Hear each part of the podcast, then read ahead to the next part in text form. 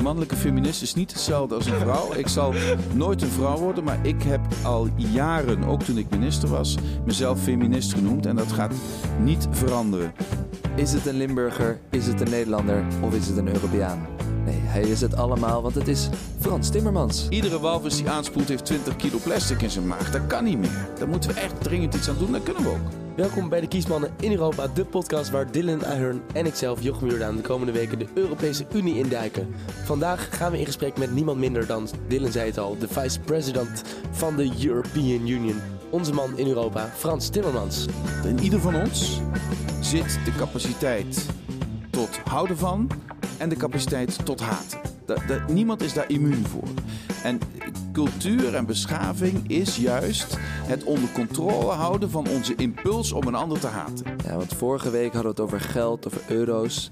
Maar deze week zitten we in het epicentrum van de Europese macht hier in Brussel.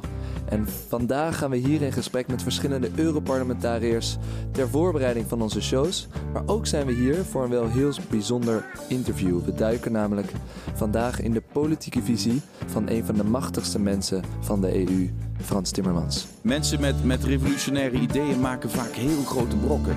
Ik geloof meer in, in een progressieve hervorming van de Europese Hij moet wel hervormd worden hoor, de Europese Unie. En ook heel erg dringend hervormd worden.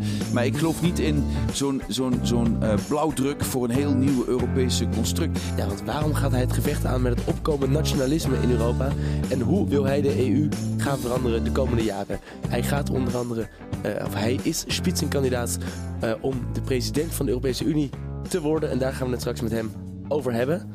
Ja, maar voordat we dat gaan doen, uh, hoe is het eigenlijk met jou, Jochem? Wat zie je er keurig uit vandaag? Ja, daar weet je van me gewend, uh, Dylan. Ja, maar uh, vandaag normaal een beetje die Haagse chic, maar vandaag is wel echt een soort Brusselse... De Brusselse chic. Ja, dat klopt. Ik dacht een beetje de hoge heer in Brussel, daar hoor je altijd zo vaak van. Ik dacht, ik moet toch een beetje netjes gekleed, dus een pak aan en uh, stropdas. En onderdragen maar. Ja, precies. Okay. Uh, correctie. Ja, goed. Uh, laten, we, laten we hier vooral niet te lang bij stilstaan. De kledingstijl van Jochem is nou niet altijd om daar over te schrijven.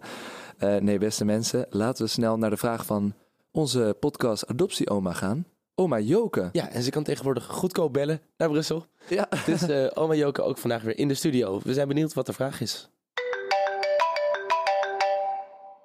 Dag kiesmannen. Ik heb gehoord dat jullie Frans gaan interviewen. Heel leuk. Maar wat heeft hij en de Europese Commissie eigenlijk gedaan de afgelopen vijf jaar? Ja, oma Joke, dank voor deze goede vraag weer. Uh, Timmermans, dat is natuurlijk een uh, druk bezette man. Veel gereisd, veel gezien, veel gedaan. Maar wat heeft hij nou inderdaad bereikt de afgelopen jaren? Misschien moeten we eerst heel even kort inzoomen op wat die Europese Commissie nou is, waar hij dus de afgelopen jaren voor werkte. Ja. En dan gaan we daarna even inzoomen op wat hij persoonlijk voor elkaar heeft gekregen. Ja, want we kennen Van Timmermans, hè, onder andere als Kamerlid van, van de PvdA, toen minister Buitenlandse Zaken namens, namens Nederland. Toen is hij inderdaad vijf jaar geleden uh, aangedragen namens Nederland als kandidaat voor de Europese Commissie. En toen is hij benoemd als first vice president van de Europese Commissie. Wat doet die commissie? Nou, eigenlijk um, uh, is het een soort van het kabinet van Europa. Zij werken in het algemeen belang van de Europese Unie door wetgeving voor te stellen en te handhaven. En ook voeren ze beleid uh, door de EU-begroting uit te voeren. Um, het belangrijkste is dus dat zij plannen voorstellen. Um, voor de komende vijf jaar. Zij schrijven allerlei ideeën. Zeggen we moeten bijvoorbeeld die plastic ban, waar we, die nu bekend is. Uh, dat moeten we gaan uitvoeren. Vervolgens stemt het Europese parlement daarover met de raad. En dan als dat door is, dan gaat de commissie het ook uitvoeren. Een soort van kabinet, maar dan van Europa. Bestaat uit 28 commissarissen. één commissaris per lidstaat. Dus in die zin zijn de lidstaten goed vertegenwoordigd in die commissie.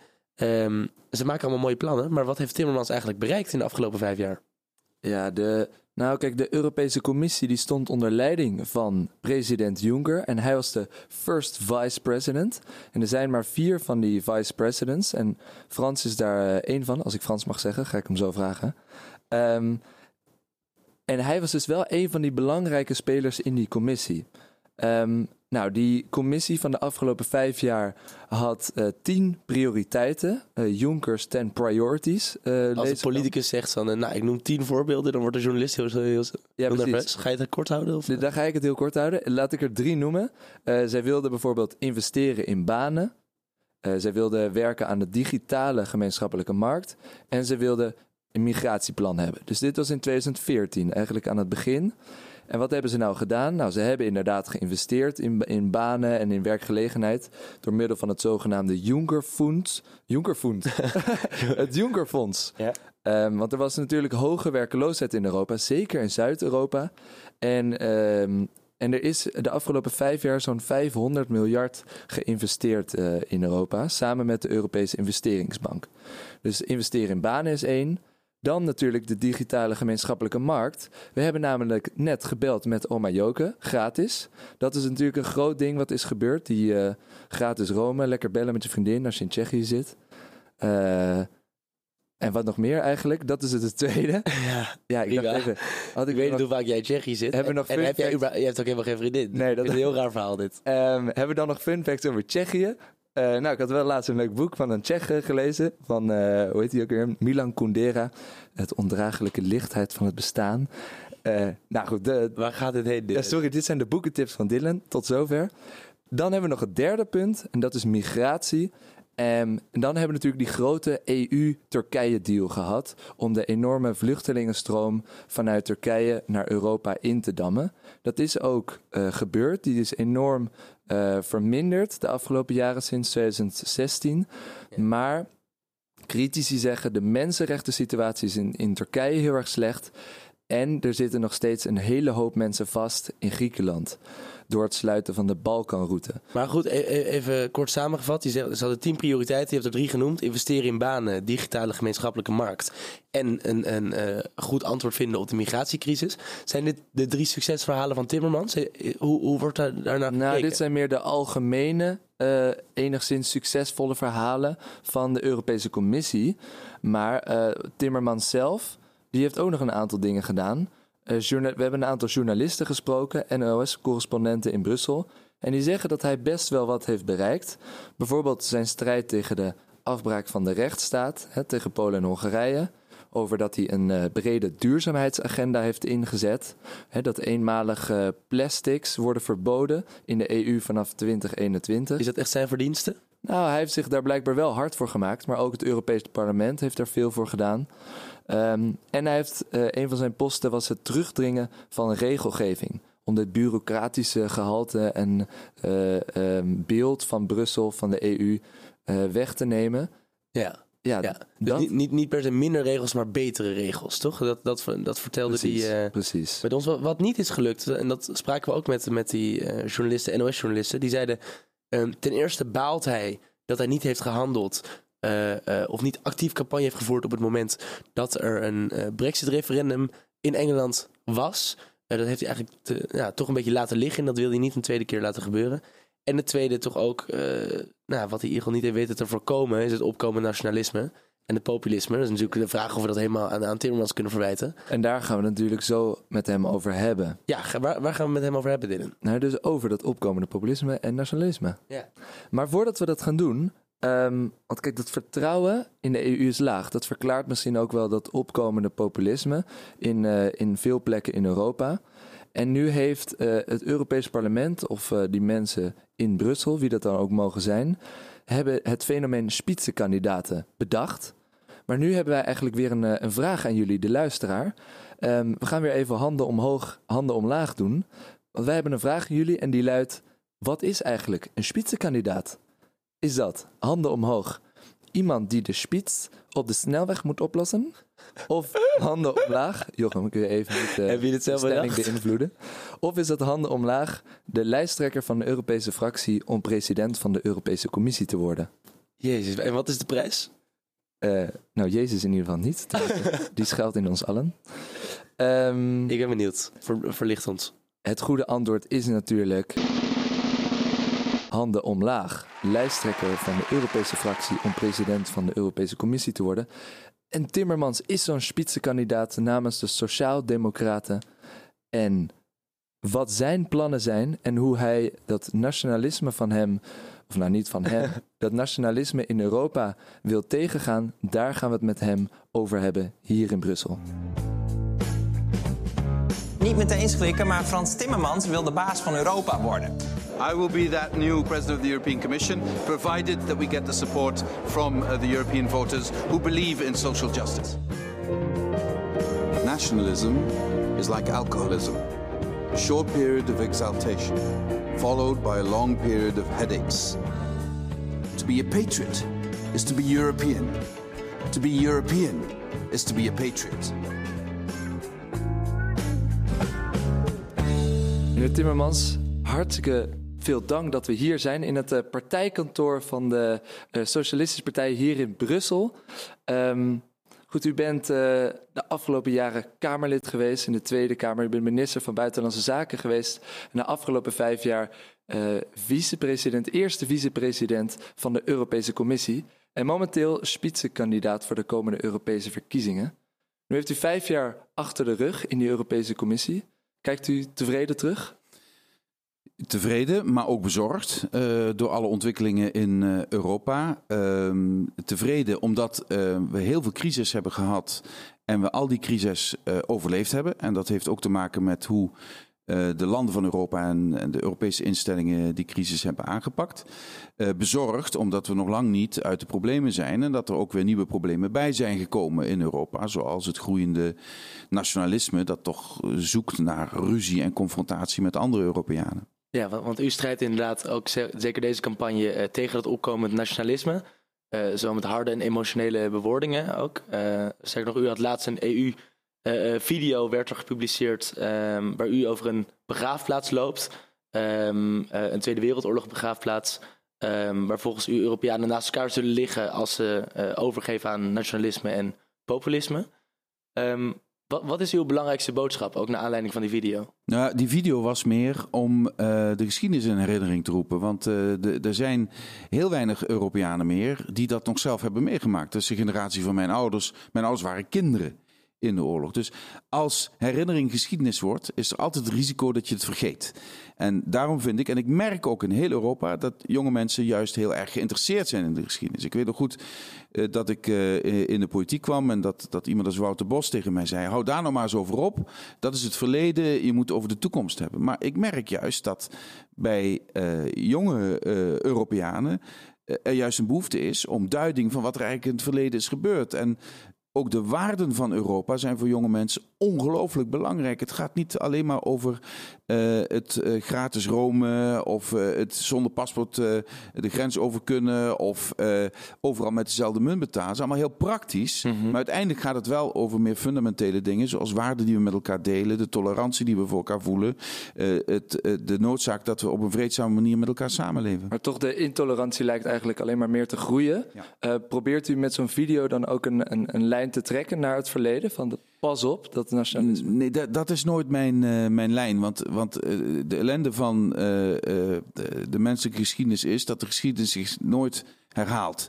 het de, de menselijke gedragingen komen altijd in andere vormen terug. Waar ik wel op wil hameren is dat in ieder van ons zit de capaciteit tot houden van en de capaciteit tot haten.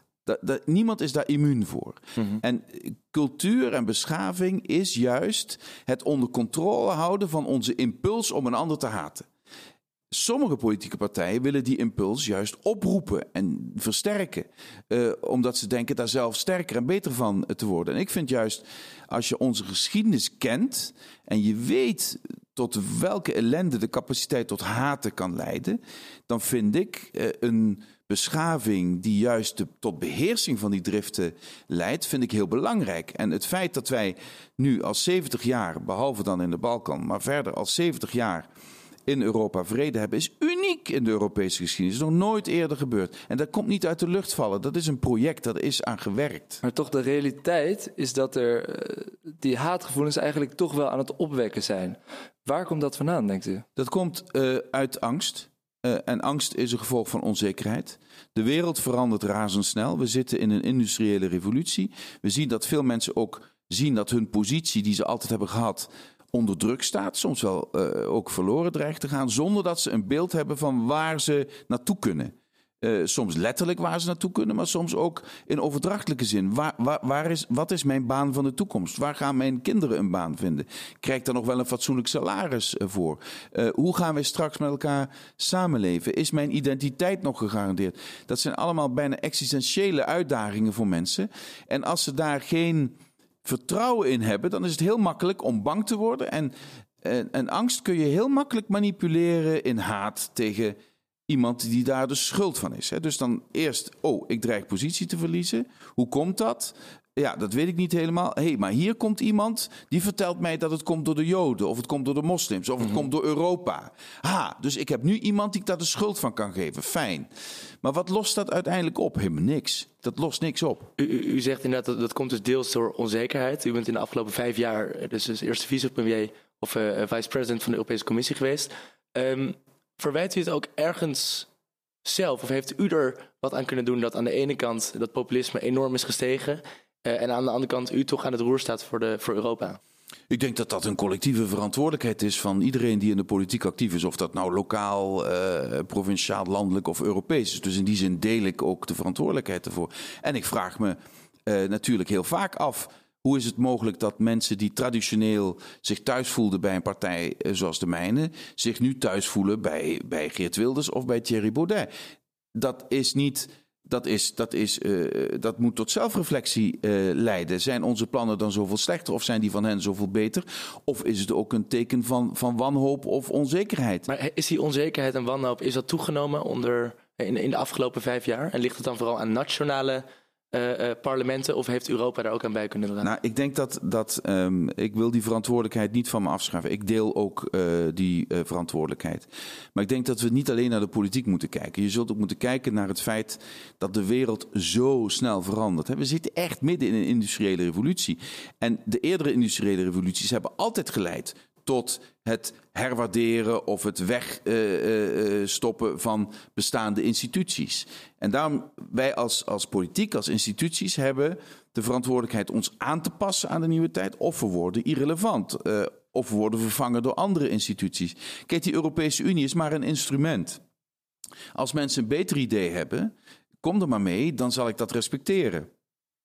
Maar dat instrument vernietigen zonder dat je een alternatief hebt dat problemen van mensen kan oplossen, ja. lijkt me niet zo verstandig. Daar heeft uw collega A Special Place in Hell uh, voor bedacht. Dat, uh, dat zei Donald uh, Tusk. Over Brexiteers ja. die zonder plan ja, eigenlijk de, de, nou, kijk, de, de, de aanval opende. Maar kijk nou eens goed naar wat er in Engeland is gebeurd. Waar, waarom hebben ze dat referendum gewonnen terwijl ze zelf nooit dachten dat ze zullen winnen? Daarom hadden ze ook geen plannen. Ze hebben nooit gerekend op winst. Maar de formule die, die mensen aansprak was take back control.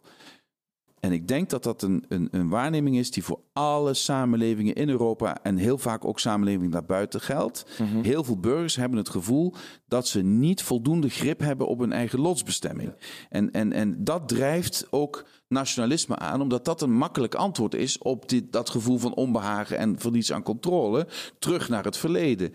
Maar de nationalisten spiegelen een verleden voor dat nooit heeft bestaan. Heeft het niet meer, is het niet ook. Het is natuurlijk ook inderdaad makkelijk om terug te grijpen op die natie. Dat is iets tastbaars, dat kennen we.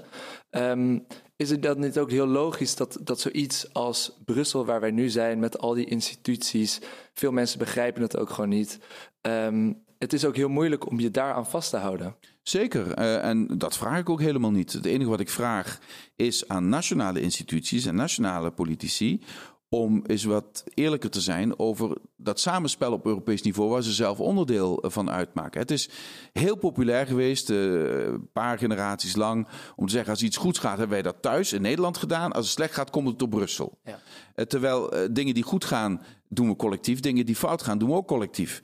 En de enige manier om hier uit te komen is een eerlijke erkenning van het feit dat die Europese Unie onderdeel uitmaakt van ons eigen ook nationale politieke bestel. En dat we dat instrument ook nodig hebben om dingen te doen die we nationaal niet meer kunnen fixen. Ja, dat, dat lijken landen als, als Polen en Hongarije uh, op dit moment zich niet te realiseren. Uh, er, u bent ook afgelopen weken of maanden in het nieuws geweest omdat er anti-Timmermans posters, anti-Sargentini posters rondhangen in onder andere um, um, Hongarije. Orbán uh, heeft, heeft ontzettend veel uitspraken gedaan, ook veel verwerpelijke uitspraken. Uh, maar hij zei onder andere ook: Brusselse, uh, de Brusselse bureaucratische elite is het contact met de werkelijkheid kwijt. Zit er niet ergens een, um, een, een waarheid in die uitspraak? Nou, het is. eh, um, je moet kijken naar eh, het, eh, het eh, playbook, eh, de, de, de aanpak van Steve Bannon. Eh, daar eh, leent eh, Orbán veel van, is ook door Poetin veel in bedacht. En een van de elementen is altijd de elite aanvallen. De elite aanvallen. En dan creëer je een mythische vijand, de elite, en die ga je dan bestrijden. Alle besluiten die hier genomen worden in Brussel, daar zit Hongarije aan tafel. De commissie kan namelijk niks besluiten, we kunnen alleen maar voorstellen. En de besluiten worden genomen door het Europees Parlement en door de, regerings, de regeringen en vaak de regeringsleiders. Hij zit aan tafel. Hij neemt ook die besluiten. En vervolgens Natuurlijk wel een kleine minderheid. eh, ja, maar iedere, iedere eh, regeringsleider aan tafel eh, neemt die besluiten eh, mede. En je gaat toch ook niet, als je in Nederland in een kabinet zit, ga je toch ook niet zeggen als er een besluit wordt genomen waar je het zelf niet zo mee eens bent. Ik distancieer me ervan. Dat is de Haagse elite dat gedaan heeft, terwijl je zelf aan tafel zit. Maar dus er zit een heel groot element van oneerlijkheid in. Ja. En dan vind ik altijd zo leuk dat eh, ze het dan over de elite hebben. Meneer is zelf schatrijk geworden. Hij heeft zich omringd met... Wie is er nou meer elite eh, dan hij? Tuurlijk, maar dus- is, is, is, het, is het zo kunstig vinden in de uitspraak dat het contact tussen Brussel en de burger in principe beter, verbeterd moet worden? Ja, maar, daar- maar dat is uit, dat, daar ben ik uiteraard eh, mee eens. Ja? Is dat- Eh, maar maar ik, ik wil alleen maar zeggen dat het beeld dat voortdurend wordt opgeroepen, wordt namelijk ook van nationale politici opgeroepen. Je ziet toch ook in de Nederlandse campagnes zijn altijd partijen die eh, het boek van C. Bannon hebben gelezen en dan iedereen voor elite uitmaken die aan de andere eh, kant staat. Met vaak de ondertoon, oh, ik zou er zo graag bij willen horen. Hè, dus dat, dat, dat, dat, dat spel wordt overal gespeeld. En natuurlijk slaat dat beter aan bij ons in Brussel, omdat wij veel onbekender zijn. Ja. De nationale, daarom hebben wij ook de nationale politiek nodig om als onze eh, eh, brug naar de burger in de lidstaten eh, te functioneren. Wij kunnen dat nooit zelf alleen overbruggen. Nu, ehm, op 23 mei zijn er Europese verkiezingen. Daar hangt ontzettend veel van af. Maar veel critici en ook professoren waar wij mee hebben gepraat, die zeggen of je nu VVD of GroenLinks stemt, ehm, die EU die, die, die kabbelt toch wel voort. Eh, crisis na crisis. Eh, professor Liek van eh, Middelaar, die schrijft er ook een boek over. Er komt een vluchtelingencrisis aan en we hebben een Europees migratiebeleid nodig. We hebben, er komt een financiële crisis, we hebben een federale bankenunie nodig. Dus hoe je het wendt of keert, die Europese Unie die evolueert uiteindelijk toch wel naar een steeds federale staat. Deelt u dat statement? Nee. Wel dat we steeds meer van elkaar afhankelijk zijn. Eh, en, en dan zie je een tweedeling in de Europese samenleving, heel breed eh, gezien. Iedereen ziet dat we meer van elkaar afhankelijk worden.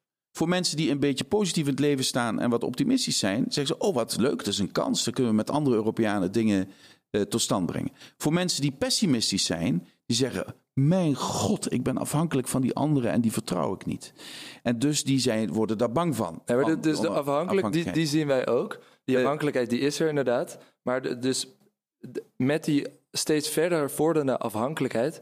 is het dan dus ook niet een logisch idee Maar de- maar dat de- de, EU ook steeds geïntegreerder wordt... om die afhankelijkheid beter op te lossen. Dat is tot nu toe de afgelopen 60 jaar namelijk wel het geval geweest. Ja, maar wat, wat, je, wat je steeds meer ziet, is dat regeringsleiders zeggen: dit moeten we samen oplossen.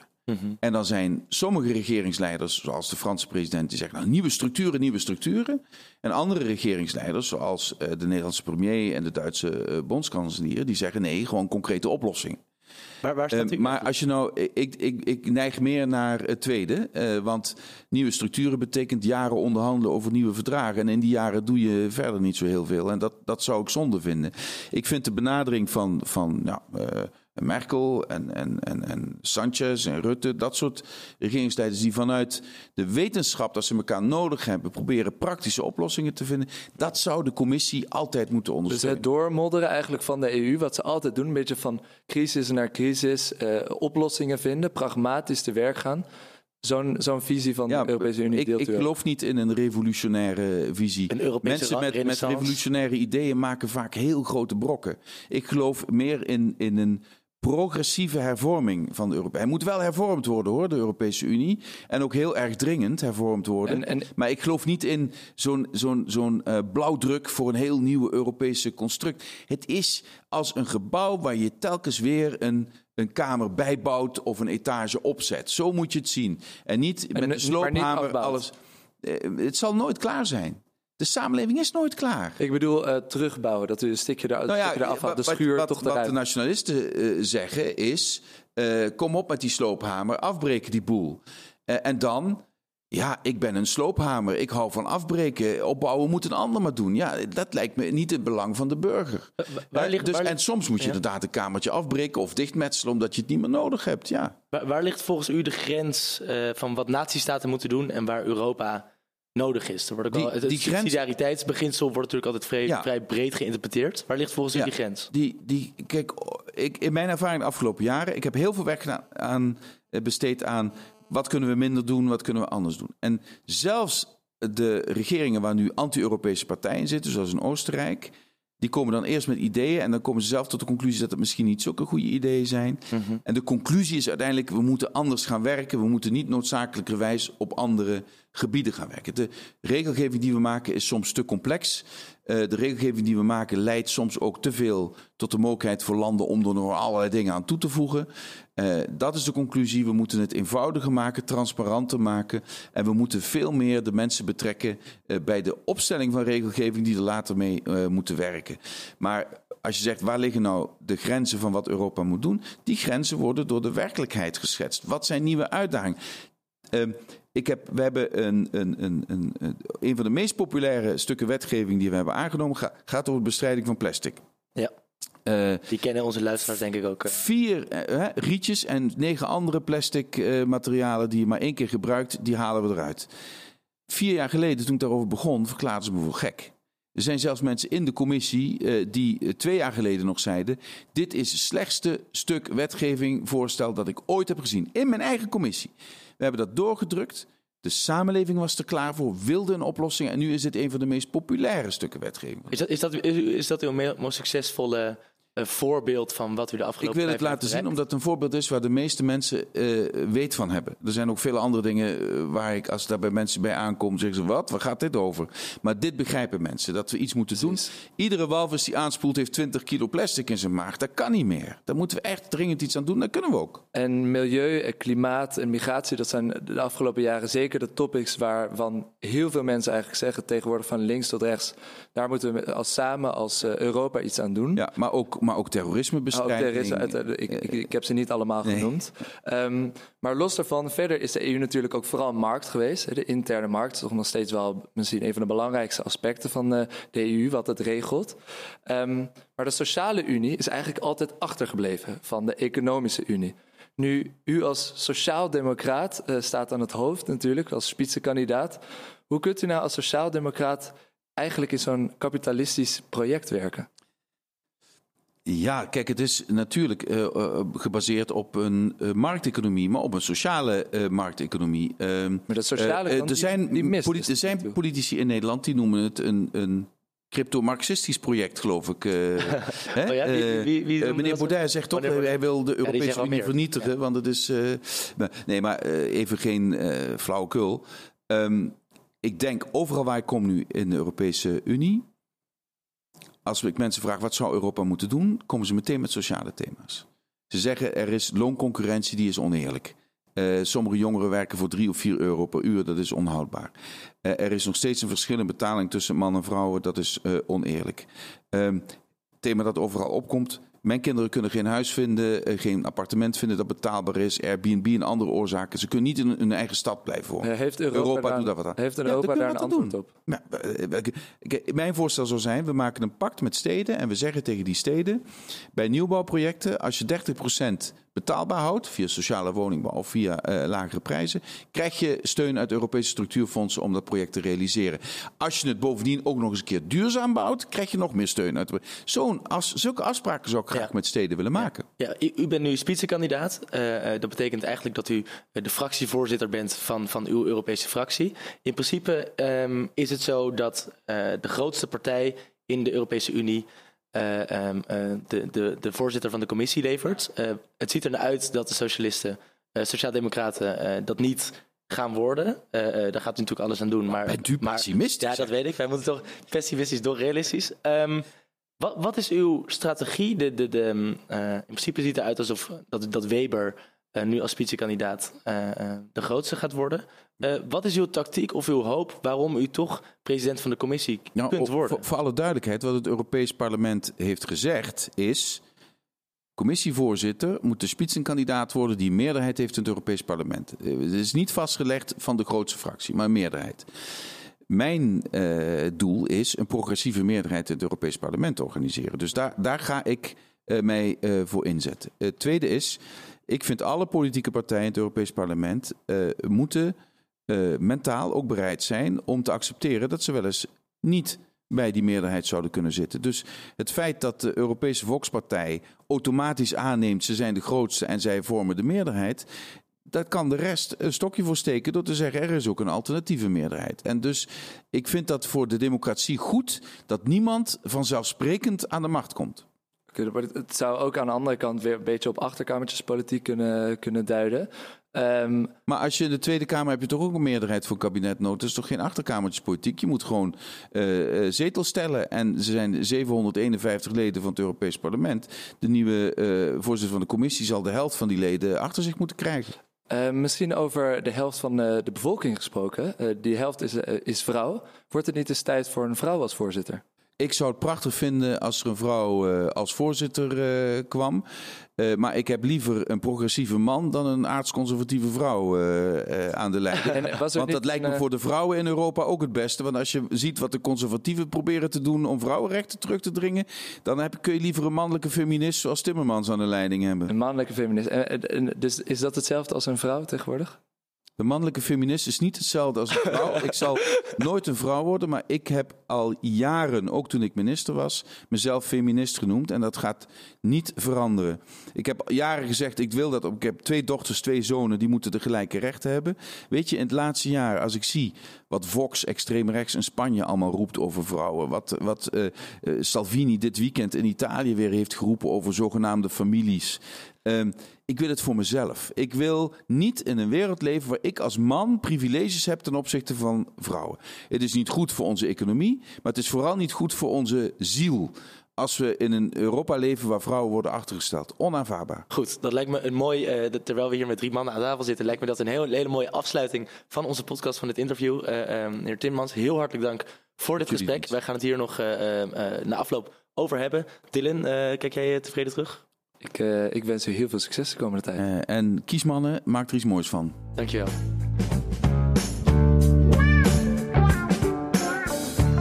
Dat was het gesprek met onze spitsenkandidaat Frans Timmermans, de vice-president van de Europese Commissie, hier in het partijbureau van Brussel van de Sociaal Democratisch en keihard campagne aan het voeren. Eh, dat merkte hij ook wel. Wat vind jij ervan, Deel? Ja, ik ben een beetje eh, murf geslagen. Het was een heel eh, inhoudelijk interessant gesprek. Af en toe zat er wat eh, campagnepraat tussen. Hè? Dat moet natuurlijk ook wel. Zeker als je in zo'n platform als de Kiesman in Europa zit. Hè? Moet je een beetje je best doen. Nu moet je een beetje je best doen. Dus af en toe die campagnepraat. ik hoop dat jullie daar ook een beetje doorheen kunnen prikken. Maar verder een heel bevlogen man natuurlijk. Hè? Dat zag je, of dat hoorde je hopelijk ook aan alles. Ja, wat, wat wel grappig is, is dat hij dus niet alleen campagne voert in Nederland, maar in heel Europa. Omdat hij dus stemmen eh, eh, voor al zijn sociaal-democratische fracties moet werven om uiteindelijk spitsenkandidaat eh, of, of president van de commissie te kunnen worden. En wat hij tegen ons zei, en de afloop ook, dat hij het zo chill vond dat hij eindelijk een keertje een interview in het Nederlands kan doen. Want, want deze man die kan echt zeven talen of zo. Die spreekt echt Italiaans en Frans en het Duits, een beetje, een beetje Russisch ook volgens mij. Ehm, dus dat het eindelijk weer een eh, interview in het Nederlands was, dat vond ik wel heel grappig. Maar inderdaad, ik ben het met je eens van die campagnestand. Merk je meteen, hè? Zo'n politicus, dan heb je eerst een heel chill gesprek en dan ga je zitten en dan meteen, bam, is hij gewoon, Dan is de knop om. weet hij wat hij moet zeggen. Ja. Ehm, Dat was Frans Timmermans. En Ja. daarmee ook eh, de afsluiting van deze aflevering. Volgende week gaan we het hebben over de democratische rechtsstaat van Hongarije en de Europese democratie. Met niemand minder dan Hongarije-rapporteur Judith Sargentini, Europarlementariër namens GroenLinks in het Europese parlement. Een heel bijzondere vrouw en weet ontzettend veel hiervan af. Op een, eh, een misschien wel een van de belangrijkste onderwerpen van Europa vandaag de dag. Dat volgende week. Abonneer je nu deze week zou ik zeggen en schrijf een recensie over deze aflevering, over deze podcast. En dan horen we van jullie heel snel.